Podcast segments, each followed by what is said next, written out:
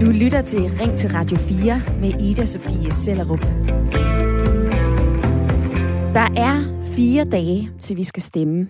Slutspurten er sat ind, og politikerne gør alt, alt, hvad de kan for at få os til at sætte krydset hos lige præcis dem. Det kan være, at du er afklaret. Det kan være, at du ved, hvem du stemmer på, eller hvilket parti du stemmer på. Det kan også være, at du har det lidt ligesom mig. Jeg er sgu stadig i tvivl. Og med hele 14 partier på stemmesedlen, så synes jeg altså ikke, at det er blevet nemmere. Og det er jeg altså ikke ene om.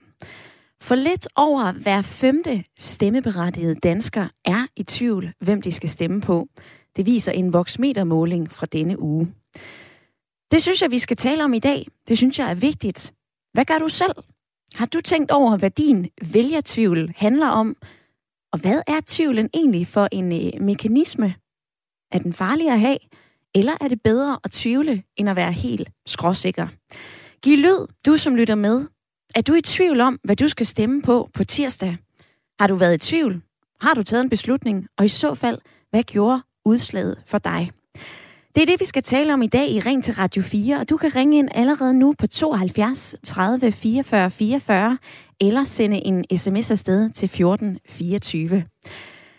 Vi skal først til Odder og, have den, og høre den første stemme i øh, lytterpanelet, og det er din, Johnny Bay Andreasen på 60 år, gift og far til tre voksne sønner. Velkommen til. Tak skal du have. Johnny, er du i tvivl om, hvad du skal stemme? Uh, ja, det er jeg stadigvæk, ja. Og hvordan kan det være? Jeg tror, det har, det har noget at gøre med, at, øh, at, at jeg synes ikke rigtigt, at, at øh, der er nogen partier, der har talt til mig som sådan. Øh, øh, og jeg synes, der er mange partier, som, som, som ligesom har sat sig på nogle standpunkter. Øh, og så er det ligesom de standpunkter, vi hører igen og igen og igen. Så vi bliver ikke klogere igennem valgkampen på den måde. Fra Østjylland, så skal vi til Sjælland, nærmere Kalundborg, og til dig, Dorte Fonnesbæk Wulf på 56 øh, år, mor til øh, tre, arbejder som landmand, og så har du også en master i sundhedsantropologi. Du er anden halvdel af panelet i dag. Ja, det er. Godmorgen.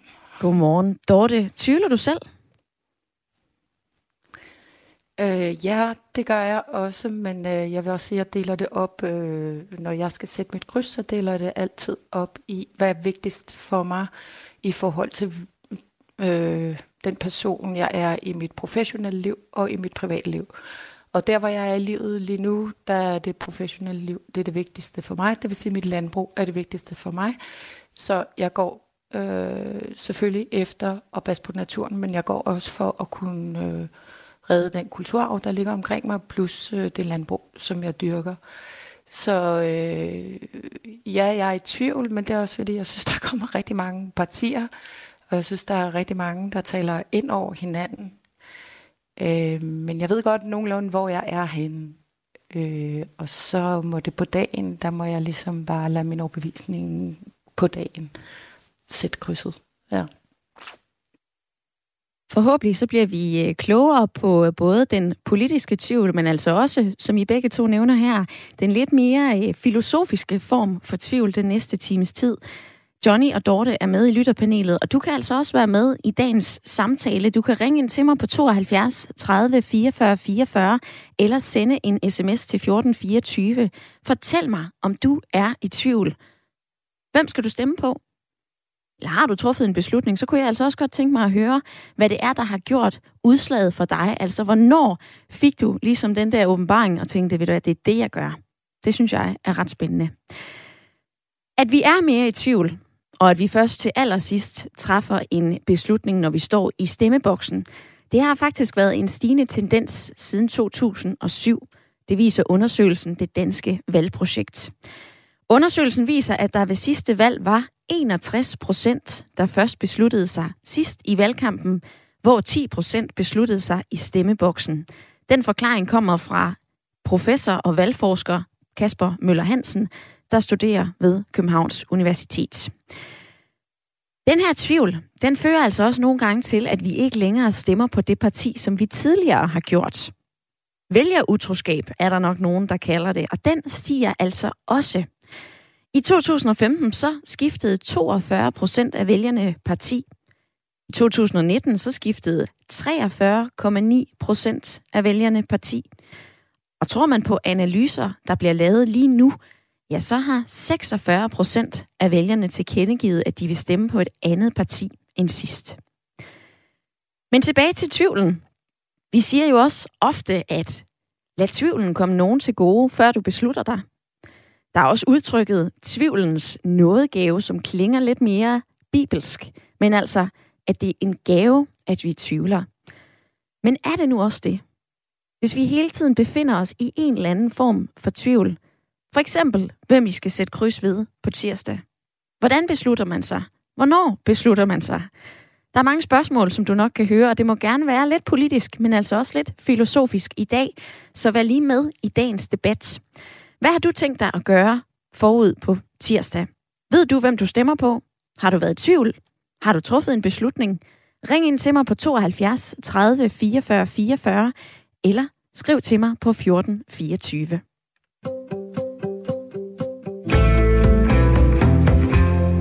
så skriver Tommy Ligård, spørg dog for pokker, om de også var i tvivl ved sidste valg, og hvorfor, og hvad der fjernede tvivlen. Det spørgsmål, det sender jeg øh, din vej. Johnny, var du også tvivl? I tvivl sidste gang, du skulle stemme? Øh, det, var, det var jeg mindre, end jeg er denne gang. Øh, og det, jeg vil sige, det, det har ligesom, øh, det, i, I mit tilfælde har det gjort, at, øh, at øh, øh, Socialdemokratiet ligesom har, har fjernet muligheden for, for at, at det er den vej, jeg skal gå. Øh, fordi at jeg synes, der hænger for meget på min, med mink-sagen på den. Øh, så jeg vil sige, det var måske lidt nemmere sidste gang. Da vi talte sammen i går, Johnny, så sagde du, prøv at høre, at det giver faktisk mig mere ro i hovedet og ro i kroppen at tage beslutninger, i stedet for at være i tvivl. Kan du ikke lige uddybe det? Jo, Øh, altså, jeg, jeg tror, vi, vi har lavet et samfund efterhånden, hvor vi, vi, vi skal hele tiden være på. Vi skal hele tiden øh, øh, tage en beslutning i sidste øjeblik, etc. etc.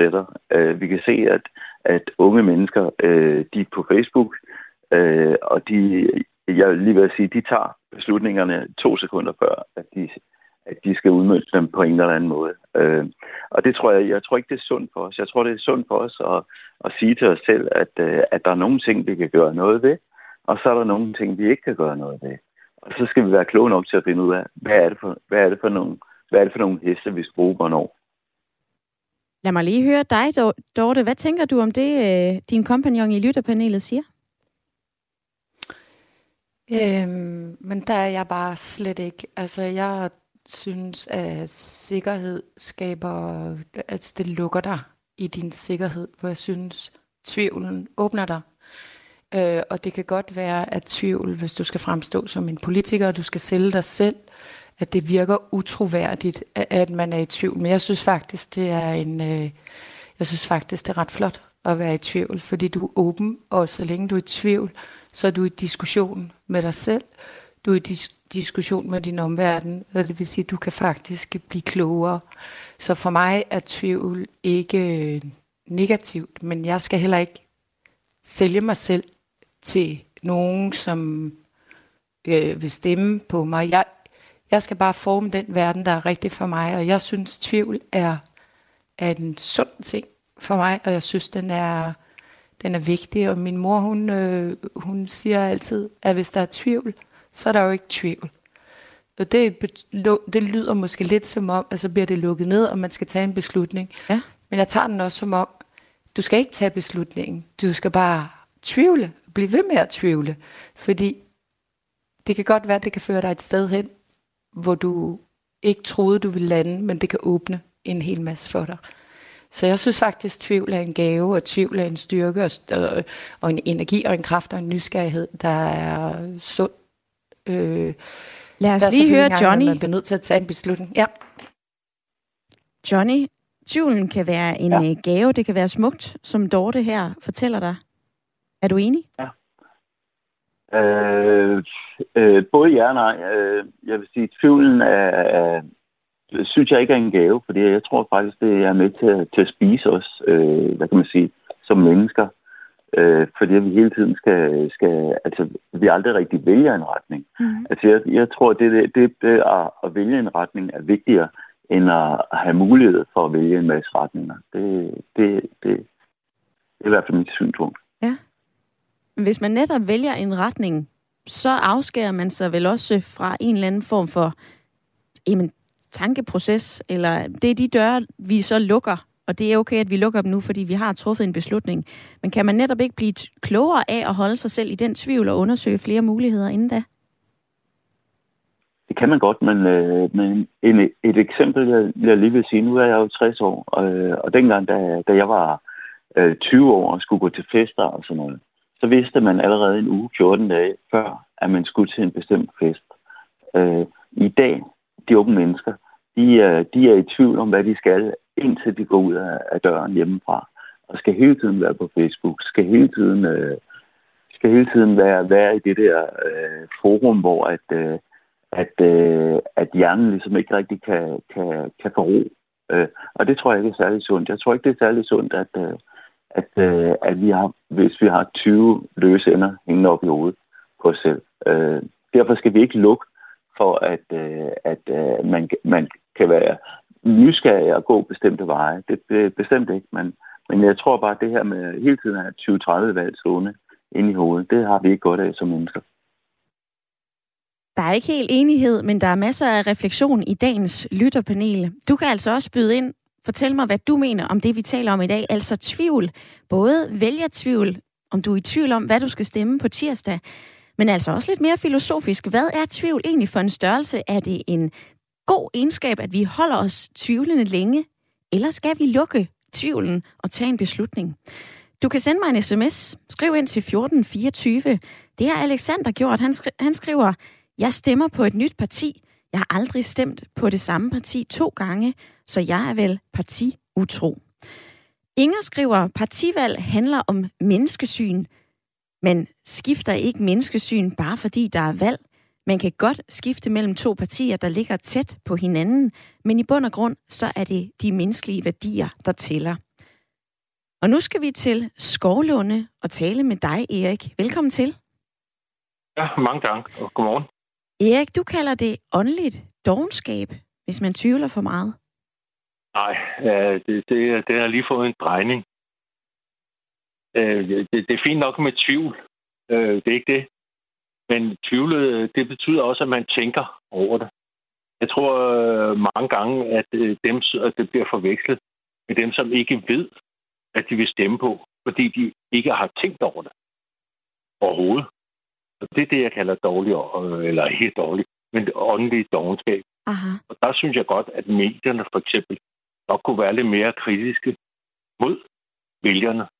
Øh, fordi partierne Hvordan? gør faktisk partierne gør faktisk, hvad de, hvad de skal. Ikke? De gør opmærksom på sig selv, og, og, og det er en del af det, politi- det politiske system. Mm-hmm. Men vælgerne, det gider sådan set ikke rigtigt, eller mange vælgere, det gider ikke rigtigt at tænke over sagen. Altså, de vil hellere se matador, end de vil tænke øh, over deres egne politiske holdninger. Hvad med dig selv, Erik? Det er, det, er kalder, du i tvivl? Det er det, jeg kalder. Hvad? Hvad med dig Jamen, selv? Jeg, er du i tvivl? Ja, ja, jeg er i tvivl hele tiden, øh, men jeg ved nogenlunde, øh, hvor jeg ligger hen på den, på den politiske øh, scene. Der har jeg ligget lang tid, ikke? men jeg er i tvivl om øh, mange ting. Ikke? Og, øh, og så svinger, svinger jeg en lille smule til det ene og til det andet. Ikke? Men jeg, ligger, jeg ved nogenlunde, hvor jeg ligger inden, hvor min øh, hvad det hedder, pejlemærker er eller mit politiske kompas det er, og hvilken retning det peger. Så hvornår tror du, at du træffer din beslutning? Lad os sige, hvad du vil stemme på tirsdag. Øh, jeg, har, jeg har en beslutning om, at jeg vil aldrig lade mig forlede af enkeltsager. Jeg vil kun bruge det store billede, og jeg vil heller ikke lade mig være øh, personfixeret. Og jeg mener ikke, øh, at det er personer, man skal stemme på. Det er partierne, man skal stemme på. Altså en eller anden form for ideologi. Og min beslutning, øh, den har jeg truffet for øh, et års tid siden. Og jeg kan godt fortælle, at jeg er sådan lidt politisk hjemløs. Jeg har været SF'er i mange år. Men jeg stemmer enhedslisten. Hallo? Jamen, jeg kan sagtens høre dig, Erik. Jeg vil okay, bare lige ja. give dig taltid. Men øh, tak fordi, ja. at du, øh, du også fortæller det her. Altså, hvis du vil give et godt råd til nogen, der sidder derude lige nu, og ikke rigtig ved, hvordan de skal håndtere den her tvivl, hvad vil du så sige? Råde dem til? Ja, de skal for det første begynde at tænke over det. Give så lidt god tid til at tænke over det, og måske snakke med nogen om det. Øh, på en, en god øh, debat med nogen. Så politiske debatter kan godt være gode ikke kedelige per automatik. Og så skal man ikke lade sig forlede af personer. En række gode råd og ord kommer der altså her fra Skovlunde. Erik, tak fordi, at du ringede ind. Jeg har fundet flere øh, ord omkring øh, tvivl, og et af dem kommer altså fra øh, Svend Brinkmann. Han har øh, sagt, at vi lever i et samfund, hvor sikkerheden hyldes som aldrig før. Sikkerhed og vidshed er godt, usikkerhed og tvivl er dårligt. Hvorfor er tvivlen og usikkerheden i så lav kurs? Som i kontrast hertil, så vil jeg gerne slå et slag for tvivlen. I bund og grund, så er vidsheden jo dogmatisk, mens tvivlen indeholder en væsentlig etisk værdi. Og hvordan det? Jo, vidshedens jeg ved, det fører let til blindhed, mens tvivlen kan føre til åbenhed for andre handlemåder og forståelser af verden. Hvis jeg ved, så behøver jeg ikke at lytte, og hvis jeg er i tvivl, så betyder andres perspektiver pludselig noget. Er du enig i det, du lige har hørt? Er du uenig, så ring ind til mig på 72 30 44 44, eller send en sms afsted til 14 24.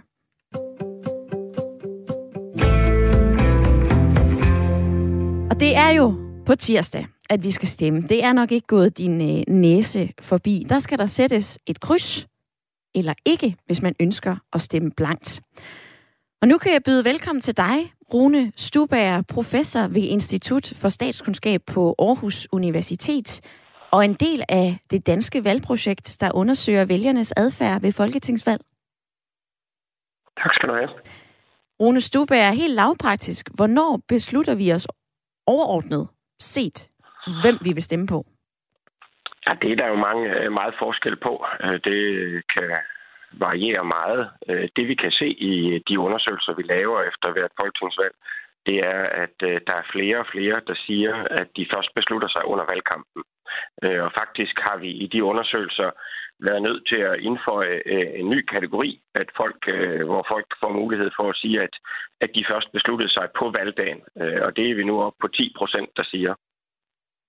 Ved I, hvorfor at der er flere, som er i tvivl langt henne i valgkampen end tidligere? Det har vi faktisk ikke øh, nogen gode undersøgelser af, hvorfor det er, at andelen stiger. Øh, så, så der må jeg blive dig svar skyldig. Hvad er så udslagsgivende for, hvorfor mange er i tvivl? Er det noget, I har undersøgt?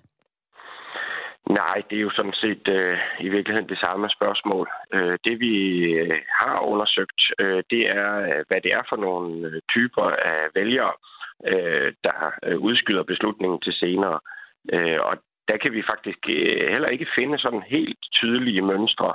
Øh, så, så det, altså, det er jo fordi, det er en, en bred gruppe. Øh, det vi dog øh, har kunnet se, øh, det er, at, øh, at det er ikke sådan, at det er at de mindst uddannede. Faktisk er det dem med de længere uddannelser, der tenderer til at, at udskyde beslutningen. Det synes jeg da er, er ret interessant. Altså, øh, har det, noget med, øh, har det noget med antallet af kandidater at gøre? Altså, jeg kan jo mærke, hvis jeg øh, tager udgangspunkt i mig selv, jeg, jeg har mere tvivl nu, fordi at der er 14 partier på den stemmeseddel, og en hundens masse kandidater, jeg skal forholde mig til. Ja, altså vi kan ikke se nogen øh, klar sammenhæng med det, øh, fordi øh, antallet af partier, øh, det ændrer sig ikke så voldsomt, i hvert fald ikke så meget, som, som vi har set de senere år, at, øh, at andelen, der udskyder beslutningen, har ændret sig. Øh, så, så der ser ikke ud til at være en direkte sammenhæng. Øh, men, men jeg forstår godt, at, øh, at hvis der for eksempel kommer flere partier øh, inden for, der, der prioriterer klimaet højt, eller eller, eller flere partier, der har en stram udlændingepolitik som, som deres centrale mærkesag, at, at så kan det skabe lidt mere tvivl i den forstand, at, at vælgerne så har brug for øh, lidt mere tid til at finde ud af præcis, hvad står de så for, øh, de forskellige partier, øh, og hvem øh, leverer så det bedste bud til mig. Men, men vi kan ikke sådan over årene se, at, øh, at antallet af partier øh, ser ud til at have sådan nogle meget stærk sammenhæng med øh, andelen af tvivlere. Okay. Altså ved sidste valg, så var stemmeprocenten jo øh, 84,54. Den kommer nok aldrig op på de der øh, magiske 100 procent. Men dem, som bliver hjemme, altså sofavælgerne, de der cirka 15 procent, er det fordi, de er i tvivl? Øh, det ved vi faktisk ikke så meget om, fordi øh, dem, der ikke øh, møder op og stemmer, de øh, deltager øh, heller ikke øh, så ofte i vores undersøgelser. Øh, men vi ved alligevel nogle ting øh, om de, der ikke øh, får stemt, øh, fordi øh, der er lavet undersøgelser baseret på øh, registeroplysninger, altså hvor vi har oplysninger fra Danmarks Statistik øh, koblet med om, hvorvidt folk er mødt op på valgstedet eller ej. Øh, og det vi kan se der, det er, at at øh, de, der ikke stemmer, er typisk dem, der har færre ressourcer. Øh, øh, kortere uddannelse, lavere indkomst, en, en mere usikker tilknytning til arbejdsmarkedet. Øh, så øh, det kan godt være, at, øh, at nogle af dem, øh, det vil jeg da øh, stærkt gå ud fra, at, at de er i tvivl. Øh, men, men det ser ud til at, og i høj grad være et spørgsmål om, at, øh, at de ikke har så mange ressourcer, at det er det, øh, der gør, at de ikke øh, får stemt. Snarere øh, vil mit bud være, end at, øh, at de er i tvivl øh, om lige præcis, hvor krydset skal sættes. Og så her til sidst, er det generelt godt eller skidt for demokratiet, at vi ser en stigende tendens i vælgere, der tvivler? Ja, det er et rigtig godt spørgsmål. Øh, på den ene side øh, kan man jo sige, at en del af diskussionen om øh, andelen af tvivlere sådan er baseret på øh, en, en frygt for, at øh, vælgerne ikke rigtig ved, hvad de skal gøre, at de øh, øh, ikke kan finde ud af det, og måske sådan øh, skifter parti øh, sådan mere eller mindre i blinde, eller, eller ud fra nogle tilfældige overvejelser. Og det er der uden tvivl øh, nogle vælgere, der har det på den måde. Men man kan jo også anskue tvivlen som øh, udtryk for, at øh, vælgerne øh, ser partierne an øh, og venter og ser, hvem kommer med det bedste bud, øh, hvem har den politik, der, der bedst matcher øh, mine øh, præferencer, øh, og så venter øh, til slut i valgkampen med at at gøre øh, bundlinjen op, øh, så at sige, øh, og så stemmer på dem, der har øh, det bedste øh, bud. Øh, og, og, og det er jo en helt anden, øh, et helt andet perspektiv på tvivlen, hvor man, man snakker kan sige, det er jo sådan den, den velovervejede øh, forbruger øh, vælger øh, der, der, der er i sving og, og venter og ser, hvor får jeg det bedste tilbud. Ja. Øh, så, så der er i hvert fald de to øh, perspektiver på, på tvivlen, og, og dermed er det jo ikke, altså i den sidste optik, der er det jo fuldstændig i, øh, i overensstemmelse med tankerne om, hvordan demokratiet skal fungere. Rune Stube er professor ved Institut for Statskundskab på Aarhus Universitet og en del af det danske valgprojekt. Tak for din tid i dag.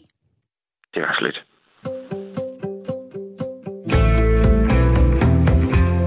Lige lyd, du som lytter med. Har du tænkt over, hvad din vælgertvivl handler om, hvis du er i tvivl om, hvem du skal stemme på på tirsdag? Og kom også gerne med øh, et perspektiv på, jamen altså, er jeg sådan en, der tvivler generelt? Eller ej? Kasper Mathiasen, han har skrevet, jeg er helt enig i, at det altid er godt at være i tvivl og give plads til holdninger. Jeg får tit at vide, at jeg er for vag i mine holdninger, netop fordi, at jeg gerne skifter denne, hvis jeg bliver oplyst. Så er der altså også en anden sms, som kommer fra Jon. De her tal ved jeg ikke, hvor Jon har fra, men han skriver, Radio 4, 90 procent af menneskelige beslutninger er suboptimale. Det vil altså sige, at 9 ud af 10 gange, så er det bedre at vente med en beslutning, end til at træffe den. Johnny, har øh, Jon ret i det? Er det bedre at vente med en beslutning, end at træffe den? Øh, altså, ifølge, ifølge min, min erfaring og de ting, jeg, jeg, jeg har oplevet, øh, der mener jeg ikke, det der mener jeg ikke, det er korrekt. Altså, jeg mener, det er, det er bedre, at vi så fokuserer på, på, på de ting, hvor at, øh, at vi måske er rigtig, rigtig meget i tvivl. Så man kan sige, at i stedet for at øh, 90 procent, så burde det måske være 50 procent, øh, som, som kunne være en tvivlende andel, og så 50 procent, hvor vi beslutningerne. Om lidt så skal vi altså tale mere om tvivl, både den politiske, men også den filosofiske. Jeg kunne altså rigtig godt tænke mig at høre, om du altid synes, det er en god idé at være i tvivl, eller er det lammende? Og hvad er det egentlig, som kan gøre os mindre afklaret i vores valg, vi træffer? 72 30 44 44.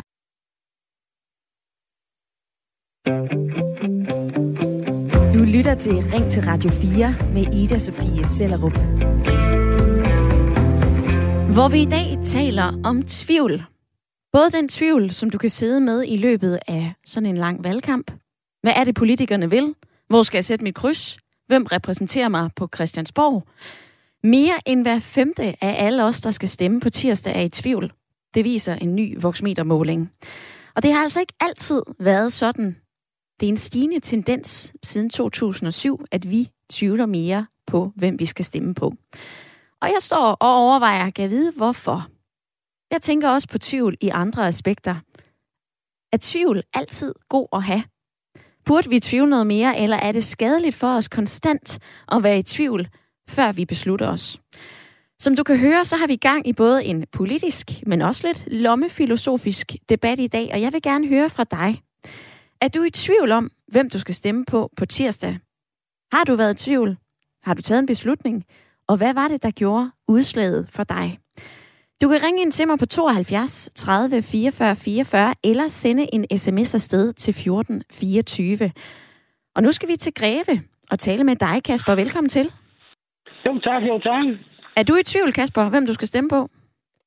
Øh, ja, det kan man egentlig godt sige. Jeg har besluttet mig, men jeg er i tvivl. Øh, men mit, uh, tvivl, hvad det, mit tvivlsgrundlag ligger faktisk ikke uh, så meget på politik, uh, og og altså, det ligger faktisk mere til tillid til selve politikerne. Hvordan det? Jamen, det er sådan set i, at øh, jamen, altså, jeg kan kort og godt øh, til at starte med, jamen, altså, jeg, det jeg for eksempel ikke kan forstå, det er jo, at øh, de ting, som en politiker kan, hvad der, kan gøre, hvad der, som man ikke må og sådan noget, hvad der er inde i staten. Øh, hvis jeg gjorde det samme på en arbejdsplads, så ville jeg blive fyret med til politiet og diverse ting, hvorimod så får man en lang, så får man det, der hedder en næse. Øh, der, det vil sige faktisk ingen konsekvenser. Øh, så, hvad der, og det er derfra, øh, hvad der, så, det, så det gør det jo klart, at det så gør det nemmere at, at tilsidesætte regler, øh, så man også kan se med alle de sager, der er, og ikke kun dem, der er lige nu, men også dem førhen af tilbage. Mm-hmm. Øh, med, de, med de politikere, der også er stået af, også nu, og dem, der stadig også er tilbage. Kasper, hvad øh, så, hvis jeg, siger, øh, hvad så, hvis jeg siger, nej, men kan du ikke lade tvivlen komme politikerne til gode? Jo, men er det ikke det, jeg har gjort i, de, hvad, i alle de år, jeg har kunnet stemme? Og står, og står jeg ikke stadig med samme lort? Jeg husker mit sprog, men jeg står stadig det samme sted. Altså, jeg har mit, mit, hvad det, mit valg, hvad det, min stemme, den ryger til, hvad der til en politiker, som der faktisk har stået ved, det personen har gjort, og har valgt, hvad der har taget sin straf, har faktisk fået en straf, og har valgt at tage imod den med åben, hvad der med, hvad der med åben til, og det hele, og sagt, sådan er det, bum. Mm-hmm. Og så tror jeg næsten godt, folk kan vælge, hvad der ved. Så tror jeg godt, næsten folk ved, hvem der er, jeg snakker om. Men det er der, den er hen, fordi at det faktisk er altid der, jeg ser den største tillid. Og ikke fordi jeg ved det mest om deres politik. Ordene her fra Greve. Kasper, tak fordi, at øh, du ringede ind. Altså tvivlen, det kan hænge sammen med tilliden til politikerne. Dorte i lytterpanelet. Har Kasper en pointe i det? Ja, det synes jeg bestemt, han har. Jeg tror også, man skal dele det op og ligesom sige, at øh, tvivl er selvfølgelig godt, men du lukker jo også noget ned. Øh, selvom du stadigvæk tvivler, så kan du godt have lukket nogle døre bag dig. Og jeg er helt fuldstændig enig med Kasper i, at, at nogle politikere øh, kan for eksempel øh, få mig til at tvivle på min egen retssikkerhed i det her samfund, fordi de kan få lov til at gøre, hvad de vil på trods af, at der har været en kommission, der har sagt, at det er, det er vildledende, og det er ulovligt, det der er sket. Ja. Så bliver det bare børstet under tæppet, og så bliver der ikke talt mere om det. Og det får mig til at tvivle på min retssikkerhed, og det får mig til at lukke ned for det parti og den person. Det er 100. Men derfor kan jeg jo godt stadigvæk være tvivlende i forhold til øh, de andre partier. Øh, og så alt afhængig af, hvilken side der jeg hælder mest til. Men jeg vil også sige, hvis du har sådan en som Jakob Ellemann, der stiller sig op, jeg tror, det var i et af jeres programmer, han lægger så fladt ned, og han siger, jeg ved, jeg ved godt, hvorfor I tvivler på mig, fordi jeg har et ydre, der gør, at man ikke finder mig troværdig. men kan I se ud over det og høre på min politik? Det synes jeg er super flot, og det synes jeg er for mig øh, en politiker, der tager fat i sig selv, og som ikke vil promovere sig selv for sagen, men gerne vil have, man lytter mm-hmm. til hans politik. Det synes jeg er rigtig, rigtig fint, og det øh, tror jeg godt, vi kunne have noget mere af. Så synes jeg, det er super ærgerligt, at sådan en som Inger, hun siger, at man skal holde fast, bare for at holde fast. Hvorfor? Altså, det ligger overhovedet ikke i tråd. Jamen, fordi det ligger overhovedet ikke i tråd med min måde at tænke på. Man skal jo ikke holde fast, bare for at holde fast. Altså, verden er plastisk. Det hele forandrer sig hele tiden. Vi mennesker, vi tænker anderledes. Der sker nye ting. Altså, hvis vi går hvis vi går 25 år tilbage, og så kigger på, hvordan talte vi i telefonen, hvordan havde vi vores computer, hvad, altså, der, der sker hele tiden nye ting, der gør, at vi er i mere kontakt, vi får hurtigere information. Det hele er bare i bevægelse hele tiden, og, det, og derfor skal man ikke holde fast, man skal holde sig åben. Og så synes jeg også, det er super ærgerligt, at der er øh, 15 procent, som ikke øh, øh, vælger Mm-hmm. Altså, der, der ikke sætter deres kryds, og at man øh, højst sandsynligt kan konkludere, at det er mennesker, der ikke har ressourcerne med sig. Og ressourcer har jo ikke noget øh, med intelligens at gøre. I, i min optik, ressourcer har jo noget at gøre med, at du ikke er blevet informeret, eller du ikke lever i en verden, hvor det bliver diskuteret. Og det synes jeg er virkelig ærgerligt, at vi ikke, øh, at de ikke har en fornemmelse af, hvor de står henne, hvad de gerne vil med Danmark, med verden. Altså det synes jeg jo, Altså, det er jo, det er jo, det er jo Danmark, der fejler. Vi taler om øh, tvivl lige nu, og som du kan høre, så bliver det både politisk, men altså også filosofisk. Altså tvivlen helt generelt. Er det noget, der er med til at lamme os? Er det noget, der gør, at vi tager stilling? Tager vi for meget stilling, når vi tvivler? Skal man, som Inger siger, holde fast for at holde fast? Eller mener du, som Dorte i lytterpanelet, at verden er altså plastisk. Vi bliver nødt til at tvivle for også at blive klogere på det liv, vi lever, og den verden, vi er i. Store tanker. Byd ind på sms'en 72 30, nej undskyld, 1424. Du må altså også ringe ind til mig på 72 30 44 44. Og Bjarne Holm har sendt en uh, sms. Måske er der lige et glimt i øjet. Han skriver, jeg tvivler. Måske skulle jeg oprette et tvivlerparti. Tvivlerpartiet skal naturligvis automatisk have tildelt alle de stemmer, som ikke bliver afgivet ved valget. Og så skriver Sonja fra Roskilde, jeg er førstegangsvælger. Efter 45 år i Danmark, så blev jeg dansk i september. Jeg synes, det er vigtigt at skelne imellem at være i tvivl og være åben. Jeg er forholdsvis sikker på, hvilken side jeg er på, men jeg er altid åben for andre holdninger, ved at have et ståsted, så tror jeg, at det er nemmere at være åben for holdninger og dialog. Dialogen og debatten, den er åben. Du kan ringe ind 72 30 44 44.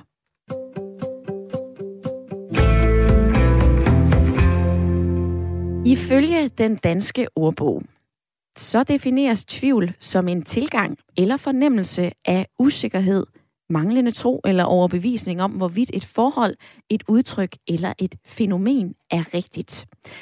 Men er det grundlæggende godt eller skidt at være i tvivl? For at komme svaret lidt nærmere, så har jeg inviteret dig med i dagens program, Asbjørn Steklik Petersen, professor i filosofi på Aarhus Universitet. Velkommen til. Tak skal du have.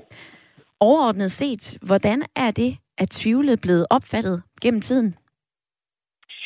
Øh, først og fremmest synes jeg, det har været en virkelig spændende øh, snak at følge med i her til morgen. Øh, der har været rigtig mange gode perspektiver. Og, og, og som du siger, altså det her med at tvivle, det er jo en tilstand, man er i, når man ligesom aktivt overvejer et spørgsmål, man er usikker eller ubesluttet om, hvad øh, svaret det er. Øhm, og det er klart, der vil ofte være noget psykologisk ubehag forbundet med det. Men øh, den her kapacitet til at tvivle og øh, ikke mindst til at blive i den her tvivl længere, end det måske er behageligt. Øh, det er faktisk noget, som er blevet betragtet som en, øh, en dyd i lang tid i, i filosofihistorien og også i, i videnskabshistorien. Øhm, så et, et rigtig godt øh, sådan tidligt eksempel er, er Sokrates, ikke, som er mange opfattet som sådan en af grundlæggerne af den vestlige filosofi, og han, øh, han var jo berømt i sin samtid for at gå rundt i Athens gader og, og stille virkelig irriterende spørgsmål til autoriteterne, der, der udstillede deres uvidenhed og udstillede, at de i virkeligheden havde mindre grund til at tro det, som de gik og, og troede. Og ja. Det, det tog de ham i retten for, anklaget for øh, blasfemi og for at fordærve Athens ungdom. Og der er som en del af hans forsvar, der kommer han jo med den her, øh, den her berømte øh, den her berømte bemærkning, at øh, han sådan set kun betragter sig selv som visere end alle de andre, det er i, at han ved, hvor lidt han, han ved. Mm-hmm. Øh, så, så han får på en eller anden måde slået fast, at, øh, at øh, selvfølgelig er det godt at vide ting, øh, men det er trods alt øh, bedre at vide, at man ikke ved, end at ikke vide. Øh, mm-hmm. End at ikke vide det. Øhm, og det er sådan et tema, der, der, der går igen øh, langt op igennem filosofihistorien. Et andet eksempel fra det så fra videnskaben. Øh, Galileo i, i renaissancen taler om tvivl som øh, opdagelsens fader. Og der ligger ligesom to ting i det. Altså det, det første det er det her med, som flere af lytterne også har været inde på, at øh, når man er i tvivl, så er, man, så er man åben. Man er åben for nye indsigter. Man er åben for, for argumenter. Så på den måde kan man, kan man tilegne sig flere indsigter, når man, øh, når man er i tvivl. Men der er også et andet aspekt i det, og det er, at man er mere grundig, øh, mere villig til at teste sine overbevisninger. Og det betyder, at man med tiden øh, kan opnå en større sikkerhed, altså mere sikker øh, viden ved at, at blive i, i tvivlen. Så der er ligesom de der, de der to positive ting i, i, øh, i tvivlen. Men så bliver jeg nødt til at bryde ind, fordi de her positive effekter af tvivl, som du nævner, dem kan jeg jo også mærke selv, men jeg kan også mærke, når jeg tvivler, at så kan den blive irrationel. Nogle gange så kan den også blive lammende. Altså, øh, kan tvivlen ikke også være dårlig for os? Jo, absolut. Øh, så, så man kan sige, altså tvivl, det er jo den tilstand, man, man bør være i, hvis man ikke har tilstrækkeligt grundlag til at, at besvare et spørgsmål. Øh, men det betyder jo så også omvendt, at hvis man faktisk har tilstrækkeligt grundlag til at besvare et spørgsmål, så skal man ikke forblive i, i tvivlen. Øhm, og hvornår ved man så altså, det, ikke? ja, det er, jo, det er jo et godt spørgsmål. Altså, jeg tror, jeg tror, vi alle sammen har været i situationer, hvor vi egentlig godt vidste, at øh, vores tvivl var irrationel, men vi kunne ikke slippe den. Så, så, så mange kender nok det her med, at man øh, pludselig kommer i tvivl om, om man har slukket komfuret, eller man har låst døren og sådan nogle ting, og man, man ved godt, at det er fjollet, men alligevel så bliver man den der i den der tvivl, og kan ikke lade være med at gå tilbage og, og, og tjekke. Og, og for nogen kan den tvivl virkelig være et, øh, et meget stort øh, problem. For andre er det en mere forbigående, øh, forbigående ting. Mm-hmm. Øhm, så, så, så det er klart, der er, der er de to, øh, to, to sider af det. Øhm, man skal jo ikke være i tvivl, hvis man faktisk har øh, god grund til at, at besvare et spørgsmål på en bestemt måde. Så lad os tage fat i det her med øh, vælgertvivl. Det er også en del af dagens debat. Kasper han ringede ind lidt tidligere og sagde, prøv at høre, når jeg er i tvivl, så har det noget at gøre med politikerne. Jeg har simpelthen ikke tillid til dem. Hvis vi ser på politikerne, kunne de så med fordel være bedre til at udtrykke tvivl? Ja, måske. Altså, det kan jo i hvert fald sige noget, noget positivt om dem, hvis de har den her kapacitet til tvivl, og også er villige til at, at vedstå den. Øhm, på den anden side, så er der jo ligesom sådan en, en slags rollefordeling i, i politik. Så hvis en politiker øh, stiftede det her tvivlerparti, som man lytter foreslog, og bare sagde, at øh, vi, vi er i tvivl om alt, vi, vi, vi, vi venter med at træffe en beslutning, eller sætter os fast på en holdning til, til vi har mere viden, øh, så vil der ikke være specielt meget øh, grundlag for vælgerne til at, at, at stemme på dem. Altså man kan sige, at politikernes rolle, det er jo også at, at indtage nogle, nogle synspunkter, som vælgerne så kan have deres tvivl om, hvad det skal, hvad det skal øh, vælge imellem dem. Mm-hmm. Øhm, så, så, så, så, så, så ja, altså det, det er selvfølgelig ville være rigtig godt, hvis politikerne ligesom kunne, demonstrere, at de har den her åbenhed og den her villighed til at teste deres synspunkter. Øhm, på den anden side, så er der også nok bare noget med rollefordelingen i, i demokratiet, der gør, at det ligesom tilsiger, at de også skal stille sig op og forsvare nogle mm-hmm. synspunkter. Mm-hmm. Og at vi også ønsker politikere, som handler på en eller anden måde. Det her med handling, det har øh, biosemiotiker Jesper Hofmeier øh, fortalt til øh, Information. Han har sagt, det er klart, at tvivl og handling står i modsætning til hinanden. Man kan jo ikke både tvivle og handle, så i sidste ende, så må der være en grænse for tvivlen, hvis man nogensinde skal have udrettet noget. Er du enig i, at tvivlen kan begrænse vores handlekraft? Mm, ja og nej. Øh, altså man kan sige, at vi, vi formår jo at handle øh, hele tiden og også træffe rationelle beslutninger, selvom vi ikke øh, er fuldstændig sikre på, på, hvad der er rigtigt og hvad der vil ske. Øh, så når jeg overvejer, at jeg skal tage paraplyen med om morgenen, så afhænger beslutningens rigtighed jo af, om det kommer til at regne eller ej. Men det er jeg jo sjældent helt sikker på. Øhm, det kan jeg godt være i tvivl om. Men altså, så må jeg jo bare tage, tage flere mulige scenarier i, med i mine betragtninger, når jeg, når jeg overvejer det. Øh, så nej, altså tvivl står ikke som sådan i modsætning til, til handlinger. Altså, vi, vi, vi er gode til at handle, selvom vi tvivler om, om relevante kendskærninger. Øhm, så nej, det er jeg ikke, det er jeg ikke helt enig i. Øhm. Asbjørn Steklik Petersen, vi skal gøre plads til øh, lytterne, som også øh, ringer ind og ønsker at give deres besøg med i dagens debat. Jeg vil sige tak til dig, fordi du var med i dag.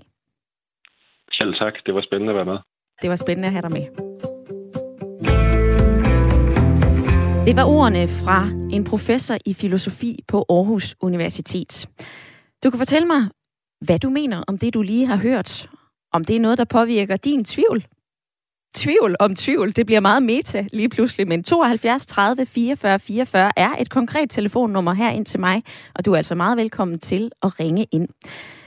Jeg skal lige nå forbi Johnny i øh, lytterpanelet. Johnny, som du hørte her, så mener professoren i filosofi altså, at øh, man kan godt handle, selvom man er i tvivl. Hvad siger du til det? Jamen, øh, jeg sidder faktisk og, har lyttet her nu et, et stykke tid, øh, og øh, Altså, jeg vil, for det første vil jeg sige til, til, til min øh, med, medvært, eller til Dorte her, at, øh, at jeg mener, at Dorte, hun allerede har handlet i det, hun siger, at hun går ind og stemmer ud fra sin erhvervskarriere, ud fra sit, øh, sit firma. Øh, er hun så i tvivl om, hvor man sætter stemmerne derfra? Det er sådan noget, det er sådan noget helt andet. Øh, jeg tror, at der er mange folk, der handler, men som bliver bedømt som tvivlere. Fordi at vi havde jo en lytter hjem, der sagde, at øh, der snakker om det her med åndelig dogenskab. Og der er masser af folk, som vælger at se Matador, i stedet for at se valgdebatter og det lignende. Og jeg tror, der faktisk er rigtig, rigtig mange af dem, der bliver kategoriseret som tvivlere, som faktisk har taget en beslutning om, at, at øh, de, de har ikke lyst til at kigge på hele den her, hele den her valg, valgting, som har foregået over fire uger. Det er simpelthen valgt at koble fra på, på den. Ja. Så, så jeg vil sige, at, at, at, at der er valg, der bliver truffet, hvor at, at, øh, at vi ligesom går ud og kigger på dem som en kategori af tvivlere, men de har taget et valg. Johnny, jeg vender tilbage til dig lige om lidt. Først så skal vi altså hurtigt forbi Sten Lille og tale med dig, Per. Velkommen til. Tak skal du have. Per, i denne debat, hvor vi både taler om tvivl, politisk, men også filosofisk, så har du også budt ind. Er du i tvivl om, hvem du stemmer på på tirsdag? Ja, det er jeg øh, mere end jeg har været øh, tidligere, og jeg er mindre i tvivl om, hvor hen af jeg sætter mit kryds, end jeg har været tidligere. Hvordan kan det være? Jamen, det, det har noget at gøre med alder, tror jeg, at, øh, at man får en beskrivelse. Det har også noget at gøre med, om man er i gang med at træffe et valg, eller man er i gang med at træffe en beslutning. En beslutning er jo dybest set noget, hvor det er sådan, at man er i tvivl om, hvad det rigtige er. Og det er så tilbage til det med at handle at man kan rent faktisk godt handle, selvom man er i tvivl. Der træffer man sådan en beslutning. Ja. Og nu arbejder jeg med analyse, fordi jeg er aktuar. Så det der med at, at, at, at, at beskrive tingene mere og mere og mere analytisk, og dermed få en idé om, så kommer man mere over imod et valg, end man egentlig er i en beslutning. Man bliver mere sikker på, hvad det rigtige er. Og, øhm, og, og det er balancer. Øh, man skal heller ikke stå fast på noget, som man dybest set ikke ved er rigtigt. Øh, jeg er også selv øh, i ledelse. Øh, det, det er jo totalt utroværdigt. Men øh, man, er, man er nødt til en gang imellem at træffe nogle beslutninger, og så sige, det er det her, vi gør. Og så samtidig med være nysgerrig på, hvad burde det rigtige egentlig være? Og samtidig med have en dialog omkring det med, med ens omgivelser. Ellers så ender man jo mere eller mindre som det, man kalder et røvhul. Sorry. Altså, at man tester konstant den beslutning, man tester sin hypotese lidt ligesom man gør i videnskaben. Ja, men, men man er lige nysgerrig på, om det rent faktisk er det her, der er det rigtige for, øh, for folk. At, mm. at det er den beslutning, man træffer. Øh, jeg kan huske tilbage til, at man ville indføre, at man ikke måtte ryge på arbejdspladsen. Der sad jeg på en øh, arbejdsplads, og jeg lyttede til den der, hvad hedder det, ledelsesgruppe. Det var tilbage i 2003. Øh, og alle ville jo simpelthen sørge for, at man øh, ikke kunne ryge nogen som helst steder. Og jeg synes fandme godt nok det der. Det var noget mærkeligt noget. Og så træffede man den beslutning, og, øh, og så ender man med at stå, øh, hvad hedder det, øh, øh, tre måneder efter, at øh, to tredjedel af dem, som var rygere på, på arbejdspladsen, de var holdt op med at ryge. Og, og det må jeg godt nok indrømme, det var et øh, wake-up call for mig. Uh, det var helt tydeligt, at, at, at havde jeg vidst det, så havde, så havde jeg truffet en anden beslutning. Ja. Fordi det synes jeg rent faktisk var et positivt, uh, en positiv ting. Og på den måde bliver man jo nødt til uh, at følge op på sine beslutninger, om de rent faktisk er de rigtige, i stedet for bare rigidt at holde uh, fast i den. Samtidig med, så bliver man også nødt til at give en tryg ramme, så folk ikke render og føler sig usikre på det. Så jeg mener, at det her det er en balance. Det her, det tager jeg med videre til øh, lytterpanelet, Per. Tak fordi, at øh, du blandede dig i dagens samtale. Dorte, den her balance, som Per kommer ind på, er den ikke umådelig svær at finde? Øhm, jo, men det er jo igen tilbage til, at verden er plastisk, og ting ændrer sig. Og altså, vi har jo igennem, øh, ungdommen har jo igennem årtier haft hver deres mærkesætte. Altså, vi var imod EU, og så imod e, øh, A-kraft, og nu er det så øh, klima og miljø, som er mærkesager. Så det, altså, det er jo meget tydeligt, at vi hele tiden bevæger os. Så ja, selvfølgelig skal der være en ramme, når man... Øh, så tvivl ikke fordærver og, og bliver til en usikkerhed øh, på, på de basale behov, som mennesket har. Selvfølgelig skal der det. Men jeg synes at det her øh, eksempel det med rygning, det er, der, øh, det er der virkelig et fint eksempel også. Øh, øh, og det skal jo ikke, øh, som øh, Kasper Stechlik også sagde, det er, det skal jo ikke, øh, vores handlekraft skal jo ikke begrænses. Altså, tvivl og tro, det er jo øh, afhængigt af situationer, de relationer, man indgår i. Og man skal selvfølgelig, når man bevæger sig ud med nogle forslag eller noget, som kan stille andre mennesker i tvivl, eller gøre dem usikre på en øh, negativ måde, mm-hmm. skal, skal de selvfølgelig samles op og værnes op. Og det er øh, blandt andet ordene fra filosofen, øh, professor i filosofi Asbjørn Steklik Petersen, som øh, du citerer her, Dorte. Vi skal lige hurtigt ned i sms-indbakken, for der er nogle perspektiver, jeg synes skal med. Annette, hun skriver, vi, der ejer tvivlens nådegave, tænker os om, følger med og tænker ikke alene på egne fordele, men mere på sammenhængskraften i samfundet. For alle os, vi skal passe på hinanden og velfærdsstaten. På den anden side, så skriver Kasper, tvivl er som udgangspunkt dårligt. For tvivl betyder, at man ikke er sikker, og hvis man tvivler på sig selv, så vil der være ting i ens mindset, som gør, at man aldrig forsøger. Tvivl og vilje, det bør være drivkraften i et hvert individ. Tro kan flytte bjerge, er der nogen, der siger. Vilje er kraften til at underbygge troen. Tvivlen er den stille gift, der gør, at vi væver vores gøren og laden og aldrig forsøger at opnå de mål, som vi må stille for os selv. Tvivlen er jo drevet af overvejende dårlige ting, usikkerhed, troværdighed, og den er sjældent drevet af eftertænksomhed og mod på mere.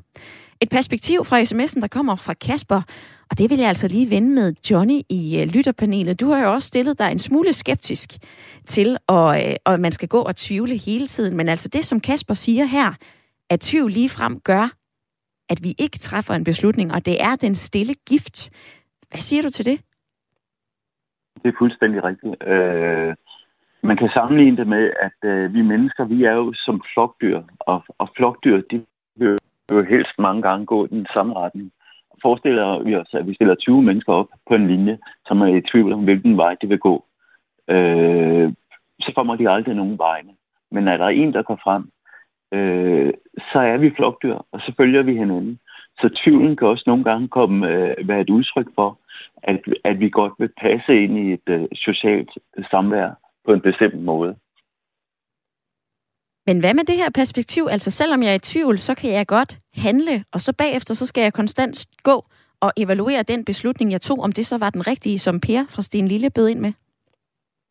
Det skal man ikke. Men, men man skal, øh, i det øjeblik, man handler, øh, det er jo vigtigt, at vi ligesom som mennesker kigger på, at hvilke ting kan vi ændre, og hvilke ting kan vi ikke ændre.